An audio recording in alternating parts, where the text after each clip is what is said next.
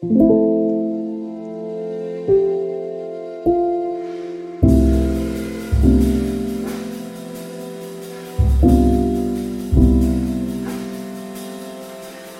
det att prata om allt?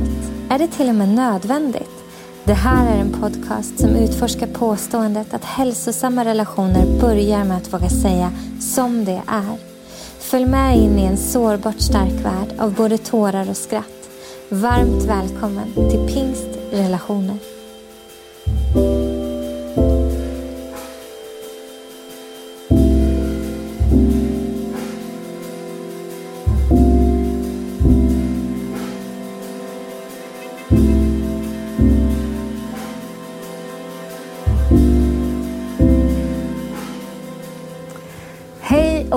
Varmt välkomna till Pingstrelationer-podden. Idag är jag så taggad att jag lite grann sitter på nålar för jag har en superfin gäst mitt emot mig.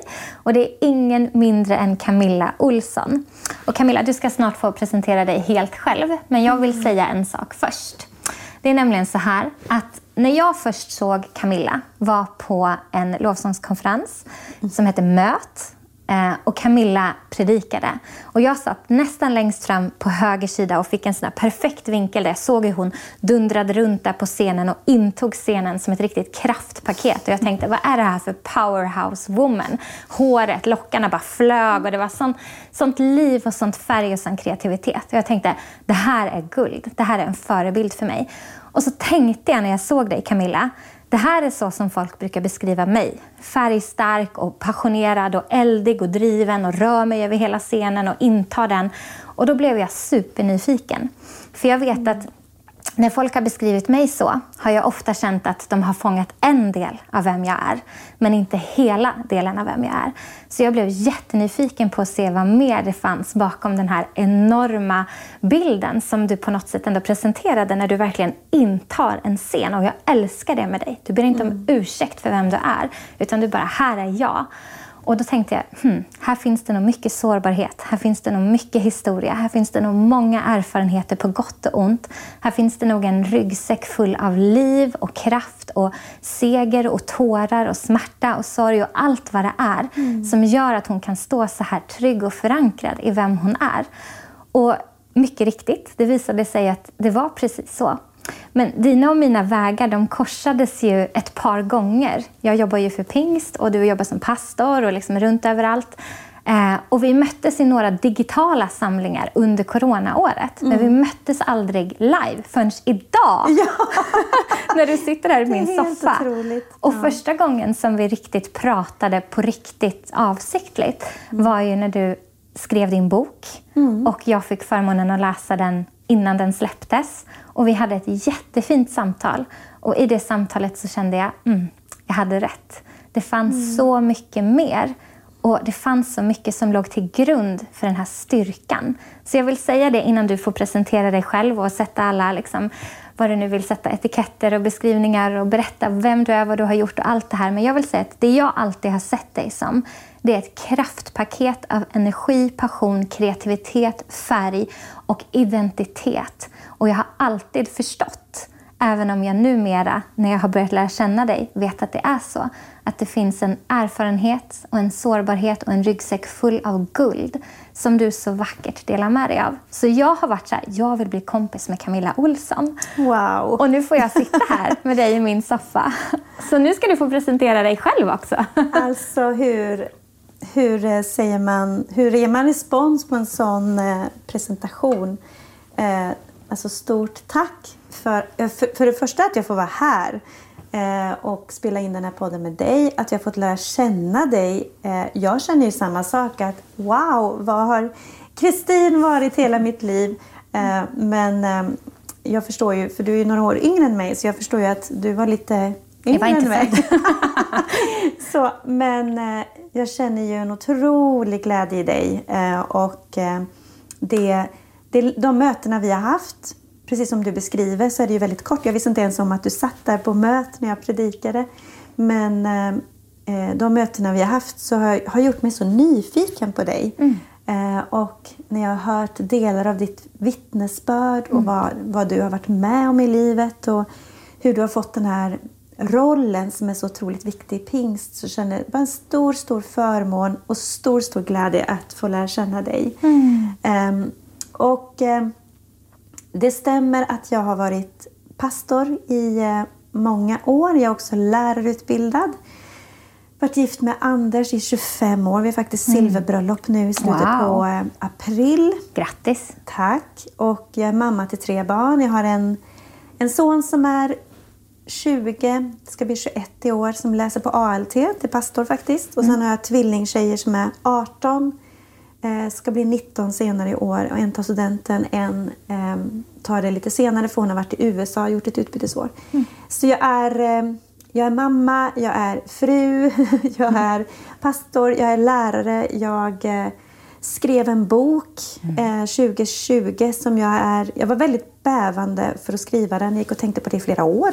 Mm. Om jag ska skriva en bok och så tänkte jag, vem är intresserad av att läsa den? Ja. och, eh, och så. Men sen så när jag började så smått att skriva den och så förstod jag att jag har nog någonting att berätta mm. om mitt liv. Um, jag har varit lovsångsledare mycket. Vi har byggt kyrkor.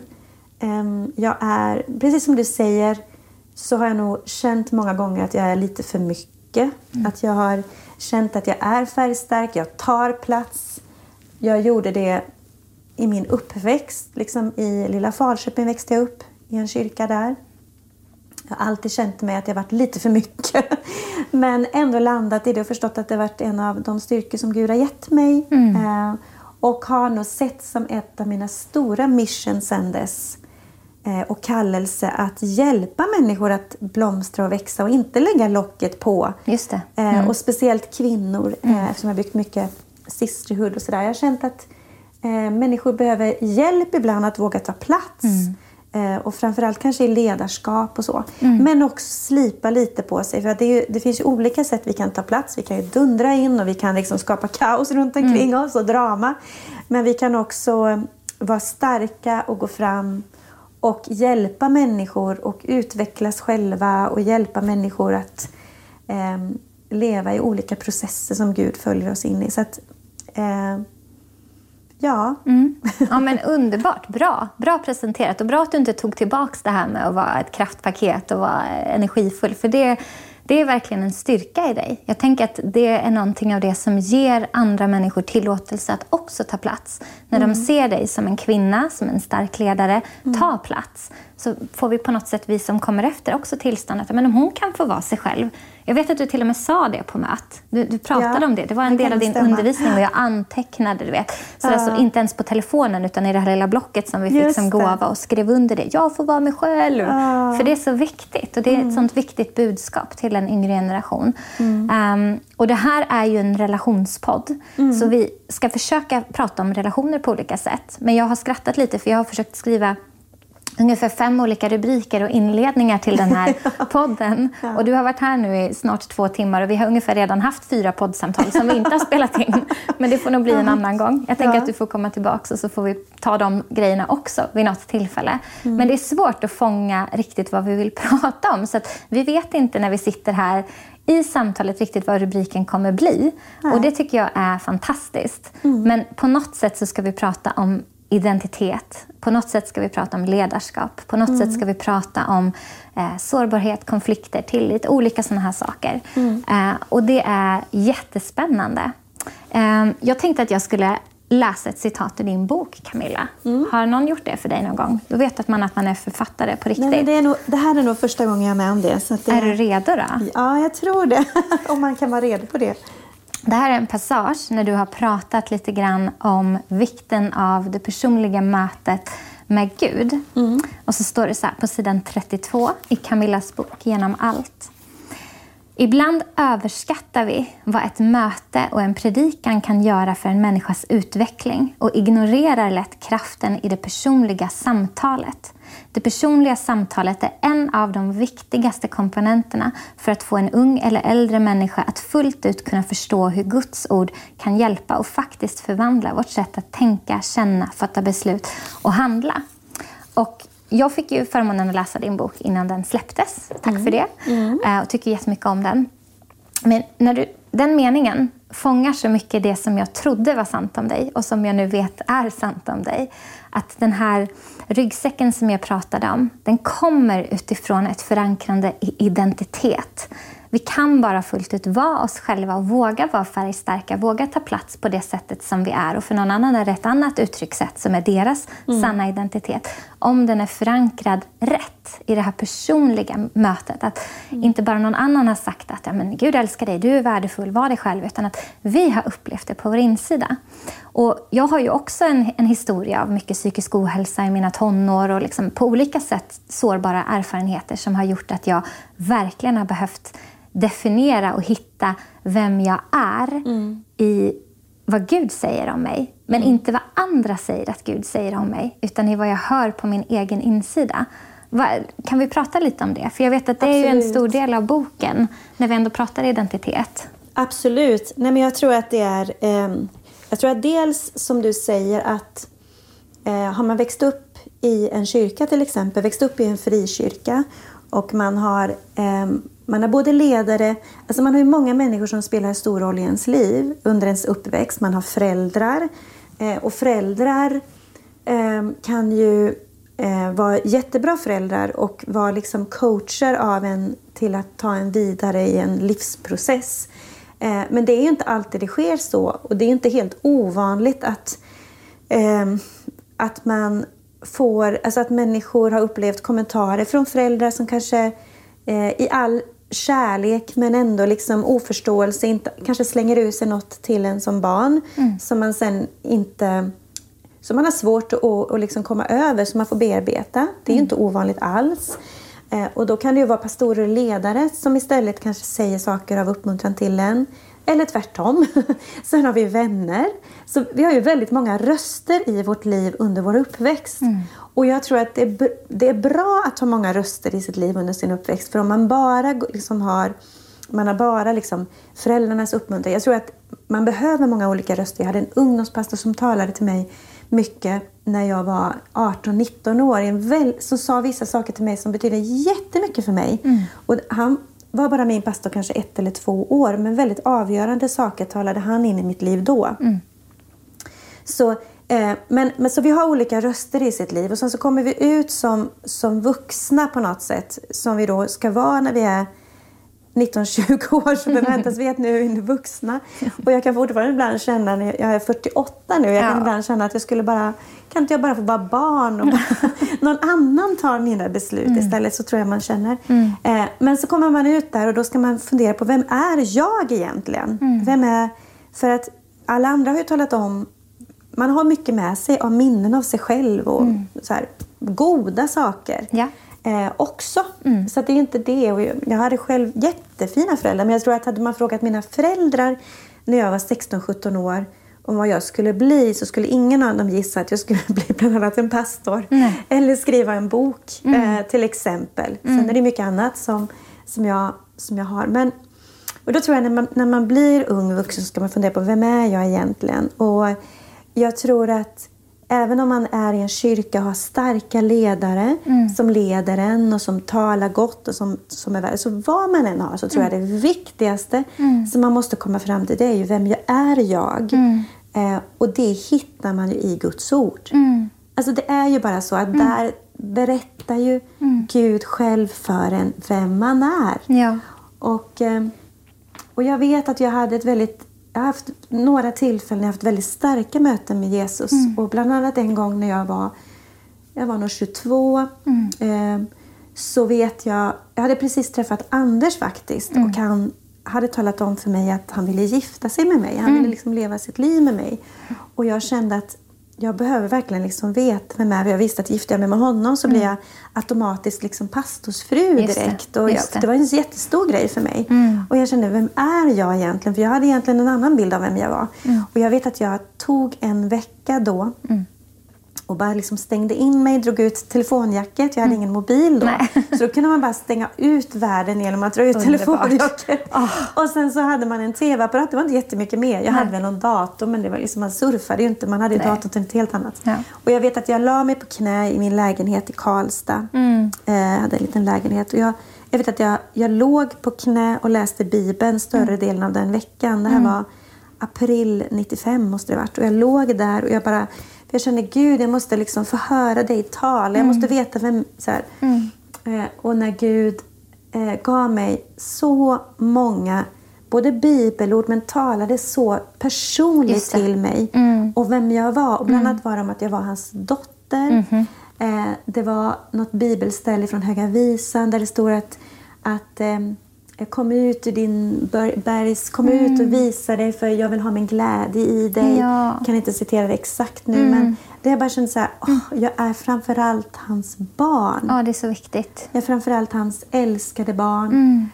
Eh, och det, det, på något sätt så blev det några av de första tillfällena jag kände att jag landade i mig själv Ja, och i Gud. just det. Eh, och eh, min man har ofta predikat om det här, att han, om det här liksom att ha sin glädje i Gud och sin Mm. identitet i Gud. Han har sagt ibland att ja, men ibland tycker jag om att gå ut i skogen och bara sätta mig på en sten och, och njuta av mig själv. Mm. Ja. och bara njuta av mig själv och Guds natur. Och jag, och på, Ja. på något sätt när jag lärde känna honom så Ja. var det en sån krock för mig. Ja. Jag kände bara så åh det där, jag fattar ingenting Nej. vad han sa. Men jag mer och mer fick landa i att det är inte det jag presterar för Gud. Det är inte det jag håller på och liksom ska visa upp för andra. Mm. Utan det är vem jag är. Att Gud faktiskt tycker om och han älskar mig. Exakt. Och när du säger det här med Guds barn, det var ju en jättestor grej för mig också. Därför att det, han, då blir det inte det här en i mängden-perspektivet. Man blir inte ytterligare en av studenterna, inte ytterligare en av ungdomarna, inte ytterligare en av alla som finner sig på den här platsen i livet och har de här liksom, kategorierna och epiteten till sitt namn. Utan Guds barn, då är man utvald. Då är man någon som är önskad. Precis. Då är man någon som ses unik. Jag, menar, jag har ju två barn och du har ju massa barn. Tre. Tre. ja, just det. Ja. Men du vet, de är tvillingar. Jag Ja. rabblar upp dem, låter det så många. Ja. Eh, att, att det blir den här, man ser ju sina egna barn unikt. Ja. Man blandar ju aldrig ihop dem. Nej, Man ser ju inte dem det är som du och du och du och du, så här, klungan av barn. Utan man ser, det här är min dotter, det här är min son, det här är mina barn. Man är på något sätt eh, vad heter det på svenska, singled out. Att man liksom Ja. är avskild ur mängden och ses för den man är. Det är ett så bra perspektiv. Jag vet när jag kom till tro var det en sån sak som jag klamrade fast vid så hårt när jag höll på att bygga upp min identitet. Att jag är Guds barn, jag är Guds dotter. Det betyder att jag är en dotter till den högste kungen. Menar, jag är prinsessa. Det är ju en, en bra sak att vara. Men inte prinsessa som är att man sitter på en piedestal i något slott och bara åh, är så liksom högt över jorden. Utan prinsessa som är att den som är den viktigaste rösten i hela universum älskar mig och ser mig och ser mitt värde sant. Och Det är det som är så vansinnigt viktigt, att man får det där personliga mötet så att man inte låter sig definieras av alla rösterna runt omkring och vad media säger, och vad klasskompisarna säger och vad ledare säger, till och med i kyrkan. För att ledare, vi är ju bristfälliga vi också. Jag menar, till och med pastorer, vi är ju bristfälliga. Verkligen. Och låter man andra människor få för mycket inflytande i att definiera en, då blir det jättefel. Det, det, det kan bli jätteskadligt för en själv. Ja, men jag tror att och idag, alltså den generationen som växer upp idag. Mm. Eh, jag är väldigt tacksam att jag faktiskt inte är 20 år idag. Mm. men ja, samtidigt vill jag säga, om du är 20 och lyssnar på det här, att Mm. Gud är verkligen med dig och har en unik Mm. eh, väg för dig. Men på, på den tiden när jag växte upp så hade vi lättare, som jag sa, att Mm. stänga ute rösterna. Det fanns inte riktigt lika många röster. Eh, sen idag så finns det ju möjlighet samtidigt att välja att lyssna på väldigt mycket bra röster. Just. Eh, därför att vi kan ju välja att ha på Bibeln hela tiden i bibelläs eller bibelappen Mm. i våra lurar och gå och lyssna på det hur mycket som helst. Vi har möjlighet att lyssna på jättebra samtal, podcasts, Mm. allt möjligt. Så vi har ju möjlighet att välja andra röster. Mm. Men det kan, finna, det kan vara svårare idag att stänga ute röster. Verkligen. Eh, så, så det är ju viktigare än någonsin Mm. att verkligen förankra sig tryggt på klippan, Mm. Kristus Jesus. Och att det är där man står. Mm. Eh, men också inte vara rädd givetvis för att Mm. släppa in människor i ens liv, släppa in ledarskap, Mm. släppa in vänner, relationer. Mm. Eh, och där är ju Guds församling på många sätt helt fantastisk. För att du, om det är så att du inte har en mormor så kan du hitta en mormor i en Exakt. kyrka. Ja. Har du inte en syster så kan du hitta syskon. Mm. Ehm, Och har man en brusten relation med sina föräldrar under en period Mm. i livet då kan du hitta människor som kan vara andliga föräldrar för dig. Mm. Ehm, Så att du har möjlighet att få många olika röster in i ditt liv. Ehm, Men, men samtidigt att ha den här förankringen Mm. i vem man är, det tror jag är otroligt viktigt. Mm. För jag hade ju ingen aning om vad livet skulle föra mig när jag som 20-åring flyttade till, Karlstad till exempel för att Mm. plugga till lärare. Jag hade ingen aning om någon hade talat om för mig att om, ja, men om, om 20 år så ska det här ha hänt, om 25 år så, så sitter du i en podd och pratar om relationer. Jag hade ingen aning om det. Jag hade inte kunnat tänka ut det på egen hand. Nej. Utan, men Gud började mer och mer ehm, ladda ner liksom, på något sätt hemligheter eller en drivkraft eller en längtan efter någonting Mm. eh, som man sen steg efter steg går mot Mm. eh, och fortfarande gör, för det är ett äventyr hela tiden. Mm. Mm. Ett- När du säger det, drivkraft, då tänker jag på det. Vi pratade lite om det innan när vi sa vad, vad är det vi vill prata om. För vi vill ju prata om allting här i podden, så vi, vi behöver ju några avsnitt. Men att veta sitt varför, att veta vad det är som driver en och varför det driver en. Det tänker jag är så otroligt viktigt. Jag, menar, vi brukar ha den här bilden av att vi har ju ryggsäckar allihopa. Och det finns både stenar och erfarenheter. Alltså både verktyg och bördor i den här ryggsäcken. Och bägge delarna är ju en del av livet och bägge delarna ger någonting till oss. Men stenarna behöver vi vara väldigt medvetna om. Att den här bördan, det här som är en tyngd, det gör mig sårbar på de här och de här och de här områdena. Och det gör att jag kanske inte ska låta mig drivas av detta. Nej. För jag vet vem jag är och jag vet vad jag har varit med om. Och erfarenheterna som blir verktyg. Men det här har jag någonting som är erövrat. Här har jag någonting som jag har gått igenom och kommit ut på andra sidan. Så jag vet vilket verktyg som låser upp det låset i mitt liv. Då kan det vara någonting som är en positiv drivkraft. Men att veta om vad som driver en och varför det driver en. Vill du tala in lite i den grejen? Jag tänker att det är spännande. Jo, men det är ju... Eh, för har, jag har reflekterat otroligt mycket om runt det förstås. I alla processer man har varit med om i livet. När jag, när jag skrev den här boken, den började jag skriva 2019. Jag hade ett år när jag var liksom mitt emellan.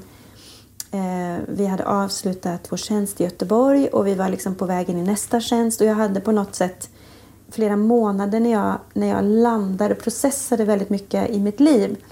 Och, och när jag skrev boken så, så har jag skrivit en hel del av de här grejerna. Och eh, det här med drivkraft, vad är det som driver en? För jag reflekterar väldigt mycket över det. För jag har jobbat väldigt, jag har varit väldigt driven. Alltså i, från det att, att jag på något sätt kom ut ur den här tuffa perioden av psykisk ohälsa när jag hade två och ett halvt år. När jag på något sätt upplevde frihet, när jag upplevde att det fanns en, en passion i mig. Det var en terapeut som sa det till mig att nu, du har så mycket drivkraft i dig men du vänder all den inåt nu och det är liksom mot din ångest, mot det att leta fel i kroppen eller leta det som inte känns bra.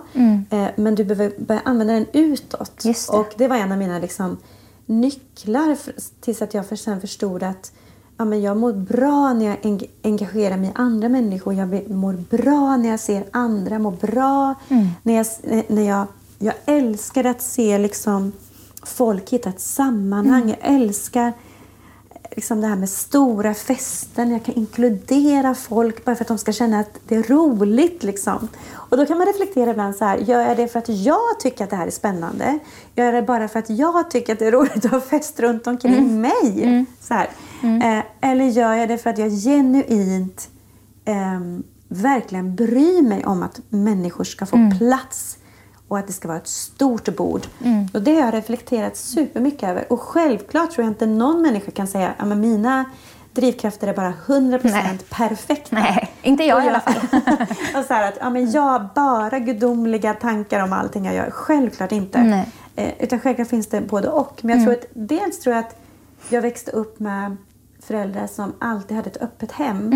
Eh, hela min uppväxt så det fanns alltid plats runt bordet för någon som inte fick plats någon annanstans. Just det. Eh, på, det kunde vara julafton, det kunde vara vad som helst. Så kom det alltid in människor. Och där tror jag att Gud la ner en slags drivkraft i mig. Och jag vet att jag jag tyckte väldigt illa om när människor är utanför. Jag tycker genuint jag, jag, jag mår så dåligt när, när jag såg människor i foajén som inte någon pratar med. Alltså det blev en grej för mig att jag bara, alla ska ha möjlighet att bli sedda. Mm. Så det har varit en stor drivkraft för mig i att bygga kyrka. Att människor har rätt att bli sedda. Det här är en fest där alla är inbjudna. Liksom. Ni är välkomna.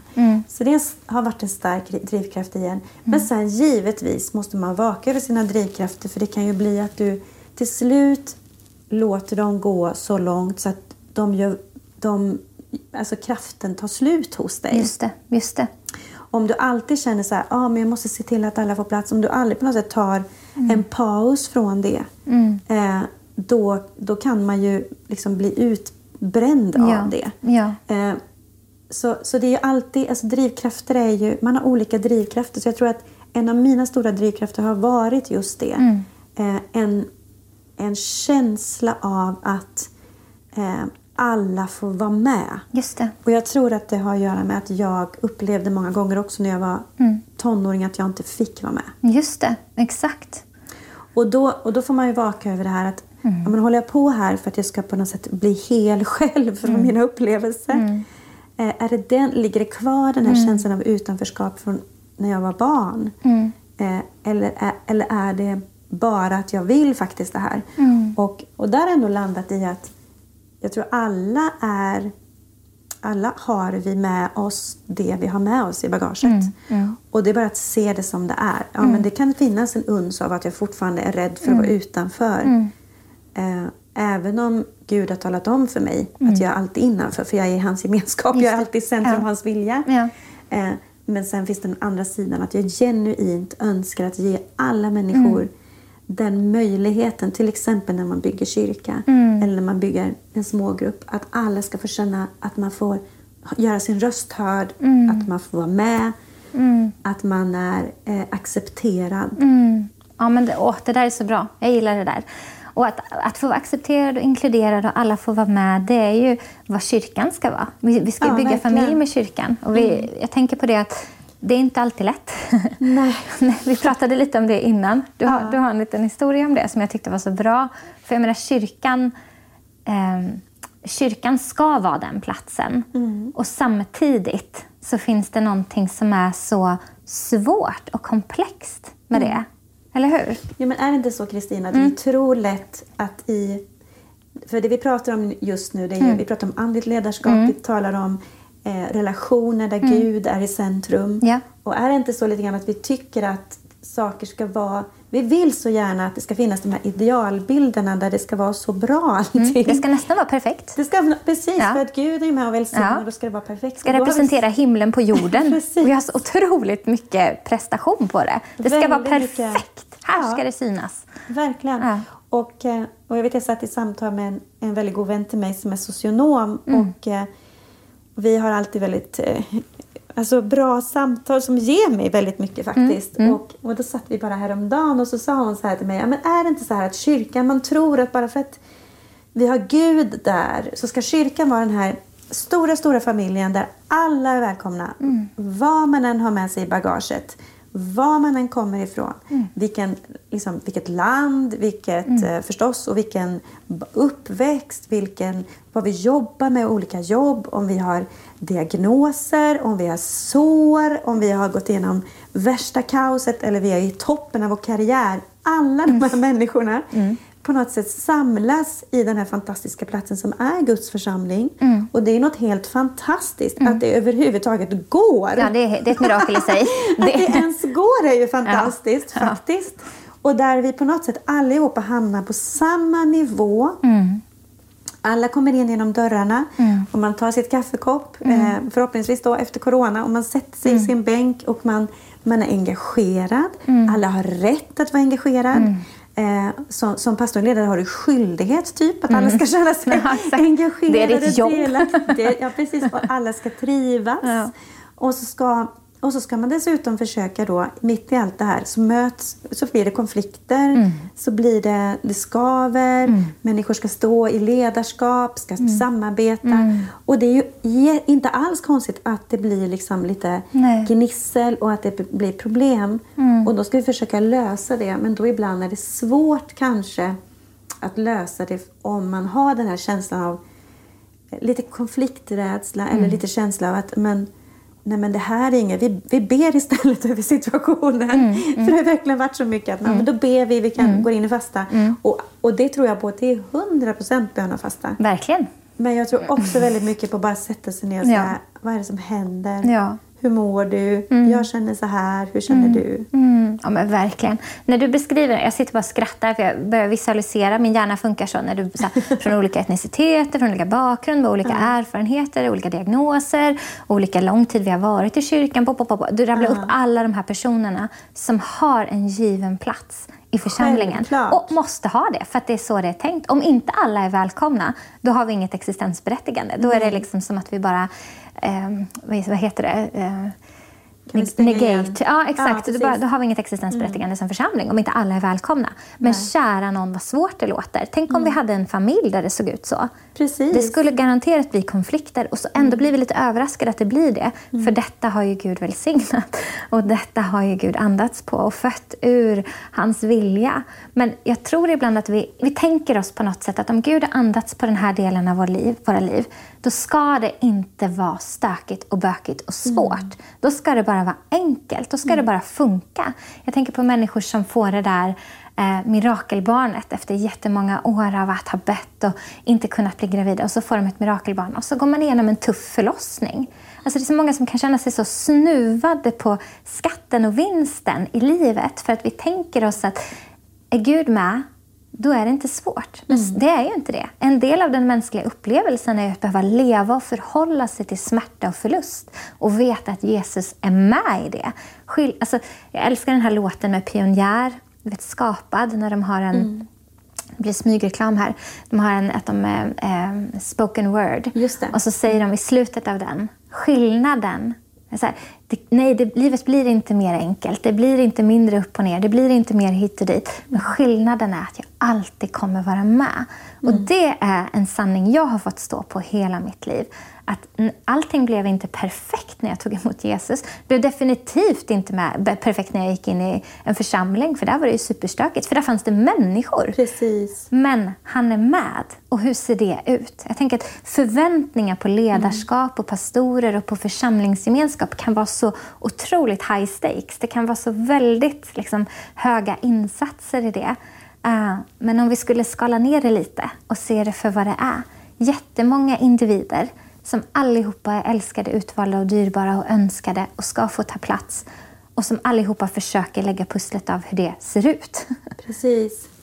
Nej, men det är verkligen, eh, det är verkligen så. Alltså en kyrka, om vi, om vi talar Guds församling då, som jag alltid har eh, älskat. Jag har alltid, sen jag var, ja men egentligen hela min uppväxt liksom, eh, så fanns jag med i, i en kyrka och var engagerad. Och när jag var 15 år ledde jag, ledde jag barnkören i, i eh, Pingstkyrkan i Falköping. Och för mig, även om jag hade tonårsår när jag stod med ena foten liksom i kyrkan och andra foten någon annanstans, så fanns all- alltid kyrkan där. Men eh, det, för mig är ju kyrkan ett, en växtplats. Väldigt mycket. Alltså det är inte ett museum. Det är inte ett, ett museum där vi kommer dit och så tittar vi på den här fantastiska tungotalande humus... Hum, nej, men att, vi, att vi tittar på varandra och betraktar varandras perfekta liv. Det är inte en plats där vi ställer ut alltså utställningsobjekt. Nej. Och där är den perfekta familjen och där är de som har lyckats så väl med det här. Och, ehm, utan det är ju både ett slags sjukhus, Ja, det är en växtplats, det är en familj. Det är så mycket för så många. Så skulle man fråga människor i en kyrka, så här, vad är kyrkan för dig? Så skulle du, få hur, du skulle få lika många svar som människor som du frågar. Eh, och, eh, och det är väl det som är just det fantastiska i det. Eh, men framförallt så är vi ju Guds kropp. Alltså vi är Kristi kropp. Som är satta, där Jesus är huvudet och där vi är satta att vara lemmar. Som ska sitta ihop. Just det. Och jag älskar också bilden av att vi är ett, det är ett husbygge. Just det. Och vi är levande stenar. Alltså det är, inga, det är inga tråkiga grå stenar som man lägger så här och så pressar man ihop varandra. Utan Bibeln talar om att vi ska vara levande stenar. Mm. Jesus är hörnstenen. Och i det att vara levande så sätter ju krav på alla människor egentligen. Mm. Ja. Att både de, den som kommer in som är ny i tron ska vi hjälpa att Mm. liksom komma in. Men det står att vi ska fogas samman som ett levande Guds tempel. Mm. Och i det lägger det ju...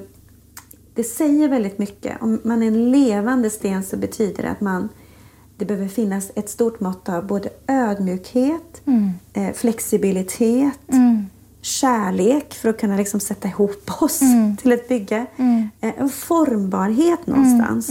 Och det behövs ju självklart hos ett ledarskap, alltså Ja. hos en pastor, Ja. hos äldsteskap, hos ledarskap så behöver det finnas verkligen den ödmjukheten, en tydlighet, ett visionärt tydlighet där det finns värderingar som är givetvis förankrade med Guds ord.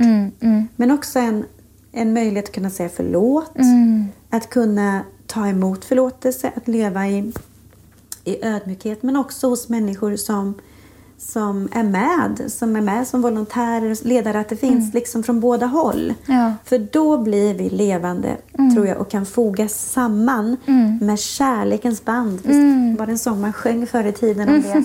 Så kärlekens band mellan oss. För det är ju Jesus som håller oss samman.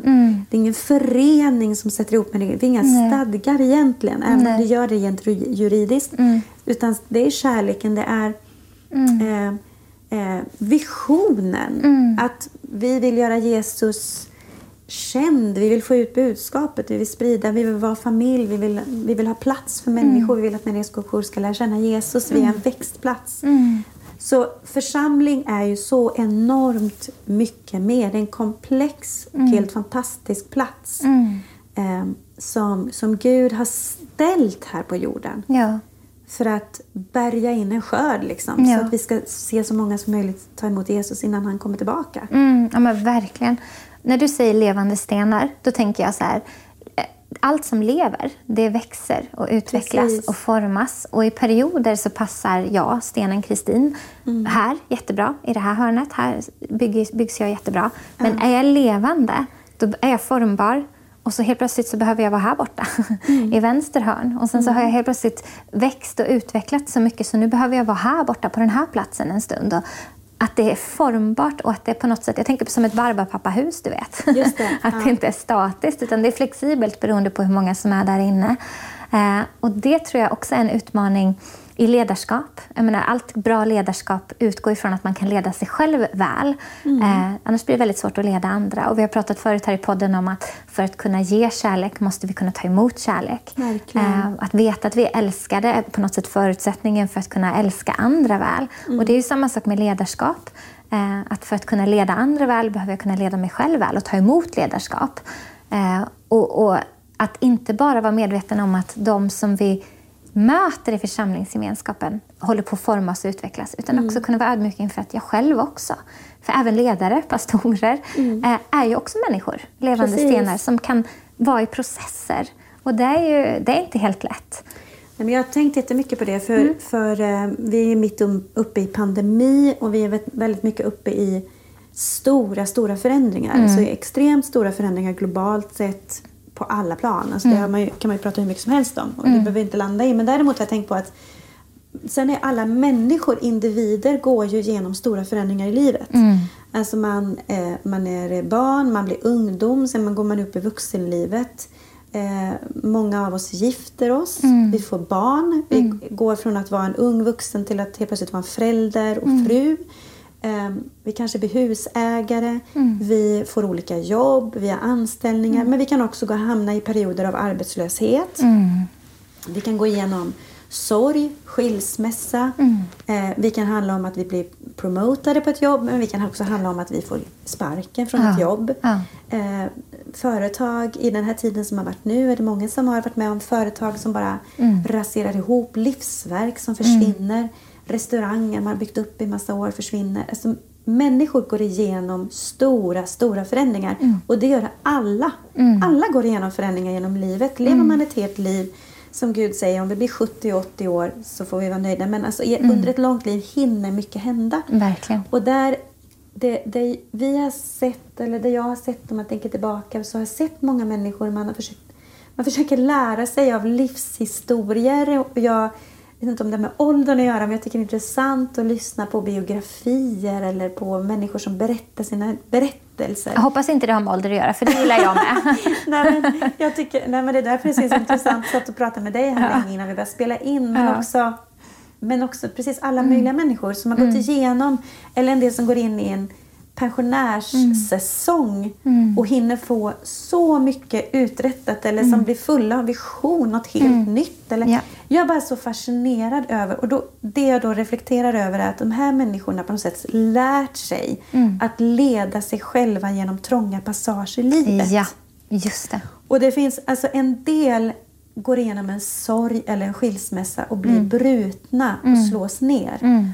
Och all förståelse, mm. respekt, allting för allt som drabbar en när, när det blir som ett skeppsbrott i mm. livet. Mm. Man försöker samla ihop allt man, man har. Men sen så ser man en del människor som har gått igenom så mycket av, egentligen av tuffa saker, fått så mycket svek, besvikelse, prövningar och som kommer ur det och som har kvar sin tro på Jesus, sin mm. kärlek, sin passion, mm. sin livsgnista. Mm. Jag tänkte att då har man känt bara, Gud, jag vill vara sån genom livet. Ja. Jag, vill, jag vill leda mig själv genom passager. Och man går igenom ökenperioder. Mm. Men, mm. men just att jag tror att det kommer alltid en oas längre fram ja. när man fortsätter gå. Men jag, tycker, mm. jag är fascinerad av det.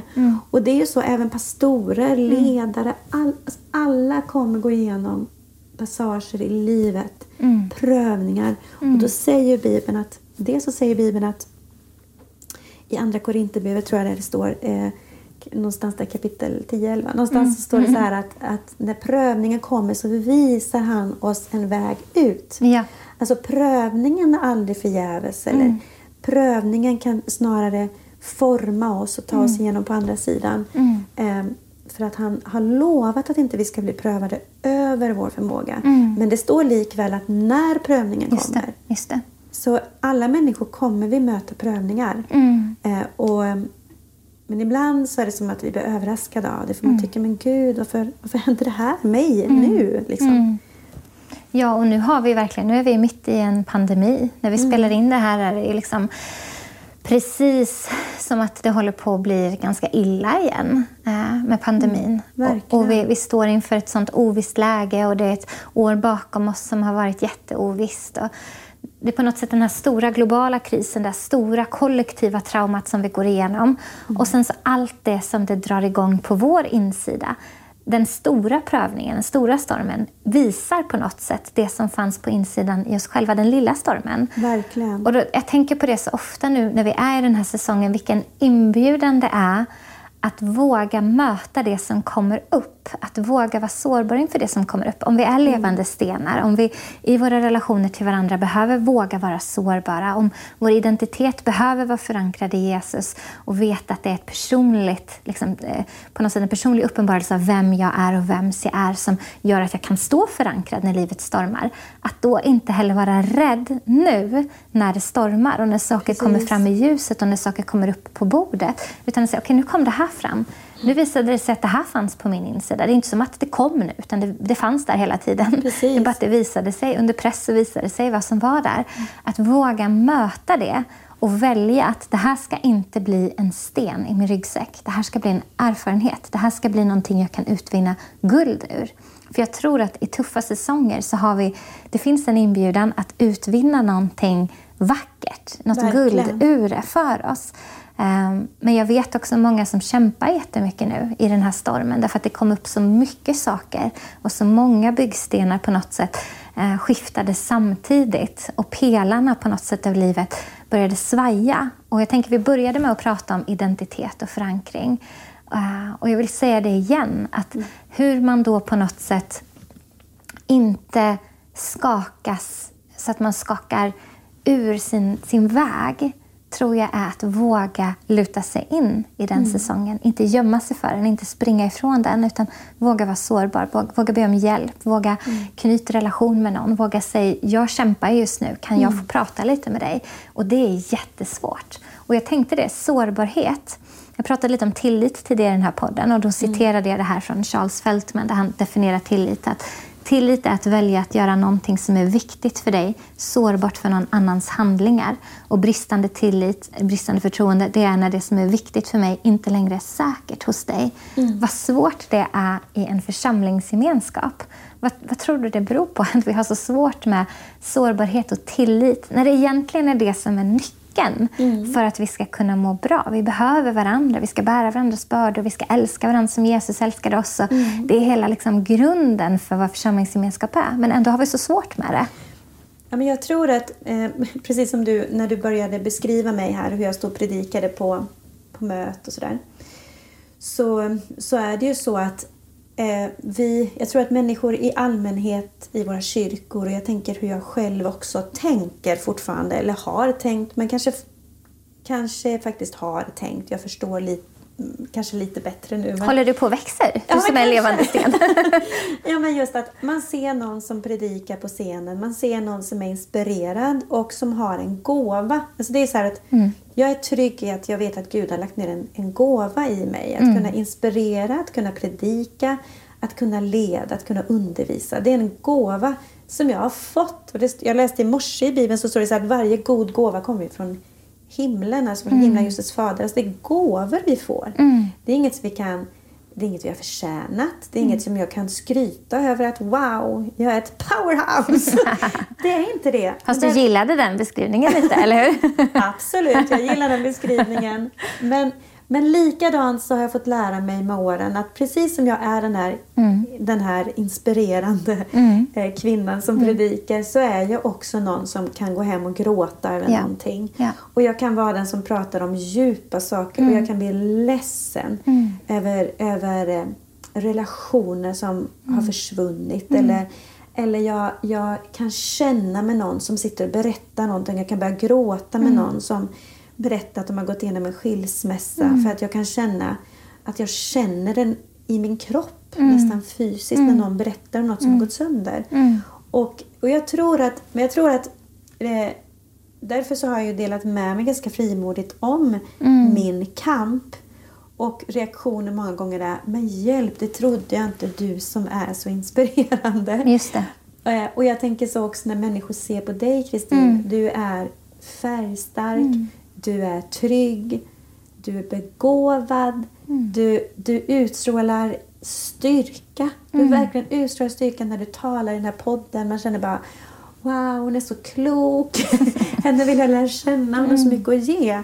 Och, och så vet ju jag också nu att mm. självklart så är det ju, det är ju en sida av dig och mm. den är ju sann. Mm. Och det är ju inte så att man antingen eller, man säger, antingen är man stark, trosfylld predikant eller också så är man en reflekterande, mm. eh, brusten människa. Utan mm. allting är ju sant om ja. att man är en helhet i livet. Mm. Och det tror jag, jag tror vi har blivit mycket bättre på i kyrkorna i allmänhet i Sverige, säkert ute över världen också, på att prata om det här. Det. Att prata om svaghet, prata om psykisk ohälsa, mm. prata om att även som kristen ledare kan man behöva gå på terapi. Definitivt. Eh, man behöver, Bön och terapi är en bra strategi. Precis.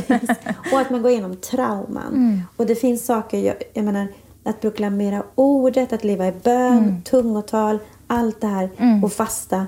Det är superviktigt. Mm. Men lika viktigt har det varit för mig att gå till en terapeut ja. som får hjälpa mig att möta det mörka i mitt liv. Verkligen. Och jag tror att det har vi inte pratat om lika mycket innan. Och mm. därför så tror folk att ja, men nu går jag bara in i bön och fasta så kommer allt lösa sig. Mm. Och eh, det är inte alltid så, för det finns saker som faktiskt någon annan... Och jag tror också att den heliga Ande har ju lagt ner gåvor i terapeuter. Mm. Att låsa upp nycklar, Definitivt. att säga saker som sätter, sätter människor fria. Mm. Så jag tror att vi har haft svårt att prata om detta. Mm. Verkligen. När du säger det här och när du också beskriver mig, jag tänker man får så mycket insikt när man hör sig själv beskrivas från någon annan. För min uh. första tanke när du sa att du är så stark och du ut, uh, uttrycker sån trygghet. Mm. Den första tanken som gick genom mitt huvud var, men hjälp vad det har kostat mig. Att komma hit. Ja. Och tänk om vi kanske kunde ha det perspektivet när vi ser andra talare, när vi ser ja. våra förebilder, människor som vi följer i sociala medier och så här, ja. apropå alla rösterna som så definierar bra. oss. Att säga, okej, okay, men om du besitter den egenskapen, styrka mm. eller kreativitet eller passion, mm. eller jag upplever dig som någon som är väldigt förankrad, mm. då kan jag nästan utgå ifrån att det har antagligen kostat dig. Det finns ett pris som är betalat för den styrkan. För det är sant i mitt liv, det är Absolut. sant i ditt liv. Mm. Jag vet att det är sant i många andras liv och jag skulle nästan vilja göra det till en generalisering. Mm. Jag tror att det är svårt att ha mandat på ett område mm. där vi inte har någonting erövrat i oss själva. Vi kan läsa oss till, jag, menar, jag älskar, du ser min trave där bakom dig Camilla, det där är vad jag läser just nu. Det är två stora bibelböcker. Men de böckerna kan liksom inte på något sätt ge mig mandat att tala in i ett område. Nej. När jag talar i den här podden om tillit och förlåtelse, om kärlek och om relationer på olika sätt. Det finns ett pris som är betalat på varenda ett av områdena. Mm. Och jag kan säga att det har varit många gånger i förberedelse inför avsnitt som jag har fått bara lägga ifrån mig mina utkast i sorg. För att jag bara, åh, kommer upp någonting igen som verkligen har kostat mig. Verkligen. Jag kan tänka mig när du skrev din bok också, mm. hur många gånger som det, det blev färskt igen, de här processerna och du mm. fick titta igen på den här erfarenheten och det här har det kostat mig att komma hit. Men till slut så utvinns det något guld ur det och så blir det ett, ett verktyg mm. och inte bara ett ärr. Nej. Utan ärr som vi ger till Gud och låter honom använda i våra liv, det tror jag verkligen blir guld. Verkligen. Och när du säger guld, det här är, det här är så bra det mm. du säger. att eh, och, och, när du säger guld så kommer jag att tänka på, för jag, jag predikade för några veckor sedan om en eh, om faktiskt krukmakaren som mm. satt och eh, i Jeremia 18 så sitter ju krukmakaren och jobbar med ett kärl. Mm. Och det står att det går sönder i, i mm i hans händer och han, mm. och han gör det på nytt till ett kärl som Gud vill att det ska vara. Mm. Och, och, när jag förberedde den predikan och satt och pratade om eh, eller när jag studerade det här med kärl mm. så kom jag över en, en japansk metod -hmm. för hur för hur man lagar kärl som har gått sönder. -hmm. Och det, fanns, det finns liksom en, en, eh, en konstart i Japan som heter konsekuro någonting. Mm -hmm. konsekuro, mm -hmm. eh, som, som handlar om helt enkelt att man lagar trasiga kärl med guld. Va? Är det sant? Och det finns en helt fantastisk bild som jag, eh, som jag hade med när jag predikade i den här predikan. Nu kan jag inte visa den här för det är en podd.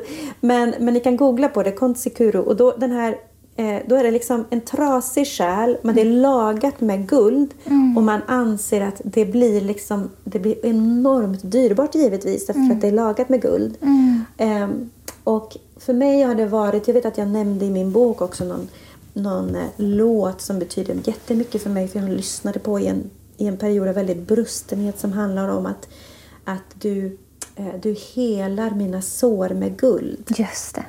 Och, och Bibeln talar om att guldet och silvret plockas fram ur mm. oss, att det finns guld och silver. Och vi säger det till varandra, du är mm. guld. Mm. Eh, och det, det, är en stark proklamation faktiskt wow. av att det finns guld i dig. Och då mm. tänker jag på det här kärlet mm. som har satts ihop igen och så har det blivit guld och det blir mer dyrbart på mm. grund av att det faktiskt har krossats och gått sönder men satts oh, ihop igen. Så bra! Så Gud vill ju, så de här erfarenheterna vi får mm. eh, de kostar mycket. Mm. Oh, vad det, det kostar mycket när något går sönder. Mm. När en livsdröm går sönder, en relation eller mm. när det blir skilsmässa. Mm. Eller, eller när en relation som har betytt mycket för sig helt plötsligt liksom, man förstår inte för något bara händer. Mm. Alltså det är en prislapp. Mm. Det är en prislapp du har betalat för att sitta här förlåten, fri, upprättad absolut att Jesus kommer och läker och helar på många mm. sätt.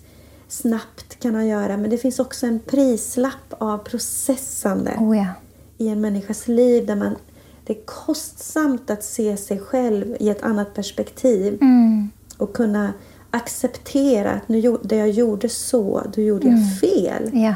Eller att kunna se att när jag gjorde så där så gjorde jag det för att jag var styrd av mm. en människas åsikt. Mm. och Eh, eller när jag gjorde det där så blev jag manipulerad. Mm. Eller, eller att man själv har gjort något mot någon människa som känner att Nej, men det där var ju inte okej det jag gjorde. Mm. det är kostsamt. Mm. Det, det gör ont. Mm. Men det är ju inte så att alla sår och allt som gör ont, att bara för att något inte är, bara för att något är rätt så behöver det inte vara lätt. Nej, verkligen. Och jag menar, det kan vi ju säga och man kan säga det lite klyschigt och sådär hit och dit. men, men det är ju faktiskt så att Ja. när någonting är rätt ibland så, så kan det vara så fruktansvärt svårt. Mm. Men det blir, det blir rätt och det blir välsignat till slut. Mm. Så eh, att processa sig igenom olika passager i livet är otroligt viktigt. Och fortsätta växa. Att inte stanna upp utan tillåta sig precis som, som det här drej... Om vi går tillbaka till krukmakaren, att det här drejskivan den gick sönder. Men han tog samma kärl igen. Han kastade inte bort kärlet, han tog samma kärl, la det igen på drejskivan. Och på något sätt om man överför det till en perspektiv att det är vi som är på drejskivan och Gud formar och slipar på oss. Att vi inte liksom eh, hoppar av hjulet och tänker att jag vill inte vara med längre för det här blir för jobbigt. Utan vi, vi är kvar på hjulet och vi låter krukmakaren få fortsätta jobba med oss. Eh, Så bra Camilla. Åh, vad bra. Och jag skulle kunna prata med dig i tre timmar. Vi har snart hållit på en timme. Så att våra lyssnare de har varit tålmodiga nu. Verkligen. Och jag vill gärna fortsätta. Men jag tänker vi ska göra några avslutande tankar och sen så ska vi be. Jag får gärna be dig att be för människor i det här. Men jag tänker när du säger med drejskivan och med guldet och med processerna. Vi började med att prata om identitet och förankring och vi har återkommit till det flera gånger. Jag tror att det är det vår podd heter idag, någonting. Vikten av identitet och förankring. Någonting. Vi får se vad det landar i. Men då tänker jag att om vi ser på oss själva som inte bara leran, men vi ser Nej. på oss själva också som guldet. Därför att när vår identitet på något sätt lyser igenom, lyses igenom av Guds kärlek, då ser vi att det alltid fanns guld där i sprickorna. Och att han läker oss med sin kärlek. Så att på något sätt, Gud slänger aldrig bort det som Nej. gick sönder i oss. Eller låter det vara, men det där ska vi bara gömma. Liksom. Men han jobbar inte med skam och skuld på det sättet. Det är löst på korset. Liksom. Däremot jobbar han med upprättelse, försoning och restauration. Jag brukar prata om, om mig själv som en tavla, som ett konstverk. Apropå Anders som sitter på en sten i skogen och beundrar sig själv. liksom. precis. Nej, men jag brukar säga det. Att det var så mycket som gick sönder i mitt liv och jag har verkligen haft så mycket trasighet i mina tonår. Och det tog jättelång tid, även om det var ett ögonblickligt läkande och helande när jag blev frisk från det, det som var min ätstörning och min anorexia, så tog min ande och min själ så lång tid på sig att läka. Tio år för den första delen och sen antar jag resten av livet för resten av delen, så att säga. Men då har jag tänkt på det som så här. Jag är en tavla, jag är ett konstverk som Gud har skapat. Han är målaren. Och det blev trasat, det blev förstört och det blev dammigt och det blev smutsat och människor liksom pajade saker på det här. Så för att få fram den sanna bilden av vem jag är så behövde Gud använda väldigt försiktiga verktyg. Fina, fina små putsande verktyg och skrapande verktyg. Wow. Han kom inte med släggan och sågen, liksom, utan väldigt vackert och varsamt. Och det har varit kostsamt och det har tagit tid och det tar tid. Men om vi tänker på oss själva, om vår identitet är jag är dyrbar, jag är utvald, jag är älskad, jag är viktig, jag är värdefull. Då är det också okej att det tar tid och att det kostar någonting och att processen ibland är lång. Eller nästan alltid är lång. Ja. Därför att det tar tid att få fram konstverket utan att skada det. Så bra bild. Eller hur? Jag gillar den. Ja. Du kände dig fri att ta den. jag kommer låna krukmakarbilden med guldet. Man snor, alla snor från ja, varandra. vi gör ju det. Nej men det är så sant. Jättevacker bild och, och det är ju bara Gud själv som har liksom själva, det, eller det är som att man lägger ett pussel liksom. Man vet inte fullt ut. Nu vet man det på grund av att man har den här bilden. Men om man inte hade haft den här bilden. Och det är som att Gud har ju den där färdiga pusselbilds omslagsbilden på oss. Att så här ska det bli. Men vi sitter där och vi lägger pussel och så vi fattar ingenting. Och här är bara blåa bitar. Hur ska de sitta ihop med allt det här andra? Så det är lite samma sak. Han har ju redan resultat. Han vet ju allt om oss. Han vet ju hur det ska bli sen. Men när vi är mitt uppe i det här så ser vi bara hur vi fattar ingenting ibland. Nej. Eh, Men då är det att vara trygg i den processen som du säger. Och det är lättare sagt än gjort. Men det är här man måste uppmuntra varandra.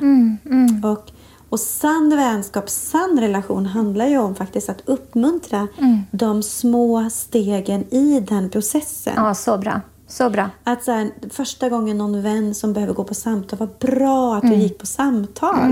Eller vad bra att du vågar öppna dig. För att på något sätt varje steg man tar i den här processen att växa vidare, det är ju som att man har hö- högsta vinstlotten. Liksom. Ja, verkligen. Eh, så att, och livet är ju så för alla, högt och lågt genom hela livet. Mm, ja, Det är processer vi ska gå igenom. Så bra. Det märks att vi är två predikanter som sitter här. För vi börjar prata mer och mer i symbolik och bildspråk. Och du börjar prata om pusslet nu. Och jag bara, och vet du vad? Ibland får man en sån där hörnbit. Börjar jag tänka på. Vilka är dina hörnbitar? Här skulle vi kunna ha tre punkter på en predikan. Håller helt Det så roligt. Alltså Camilla, vet du vad? Du måste komma tillbaka. Eller du måste inte, men det finns en öppen inbjudan att komma tillbaka och prata mer. För jag Tack. uppskattar verkligen att prata liv med dig. Liv och relationer och identitet och sårbarhet. Mm. Och vi har massa kvar, så du får så gärna komma igen. Det gör jag Men- jättegärna. vad bra. Men vi ska avsluta. Och får jag be dig att be för våra lyssnare på det här temat identitet, förankring, att se sig själv som det här kärlet som är värt att upprätta med guld. Alltså, kan du tala in i de bitarna för våra lyssnare? Mm. Så avslutar vi med en bön. Absolut. Tusen miljoner tack för att du har kommit hit. Och tack för att jag får lära känna dig. Det var så kul att se dig fysiskt idag. Verkligen. Så roligt. Jag ska be för dig som sitter där hemma. Jesus, jag tackar dig för att du är den store överläkaren. Och du är också våran krukmakare som drejar och som formar oss till det kärl som du har tänkt att vara för fint bruk här. Och du vet varenda människa som sitter på andra sidan och lyssnar. Och Jesus, du känner oss för att du är smärtornas man. Du är den som har räknat hårstråna på vårt huvud. Du har stakat ut varje dag i din bok i himlen. Du vet precis vad våra dagar ska se ut. Du vet allt om oss. Och Jesus, du gör det inte för att du vill trycka till oss, för att du vill liksom, tala om att vi inte är bra, utan du gör det av kärlek. Du älskar av evig kärlek varenda en. Och jag ber dig att vi alla ska få växa med dig Kristus. Bli mer lika dig Kristus. Att vi inte ska slås ner i prövningar utan vi ska, vi ska bli starka i dig Herre. Tack för att vi får stå på klippan Kristus. Tack att vi får vara förankrade djupt Herre, på klippan Herre. Så även om stormar kommer så står vi fast. Du ska hjälpa alla som lyssnar att få, få stå fasta den här tiden som man är i just nu när man lyssnar på det här. Tack Jesus för att du tror fast. I Jesu namn. Amen. Amen. Tack Camilla. Och tack till dig som har lyssnat. Du är så varmt välkommen tillbaka till nästa avsnitt. Ha en fantastisk fortsatt dag.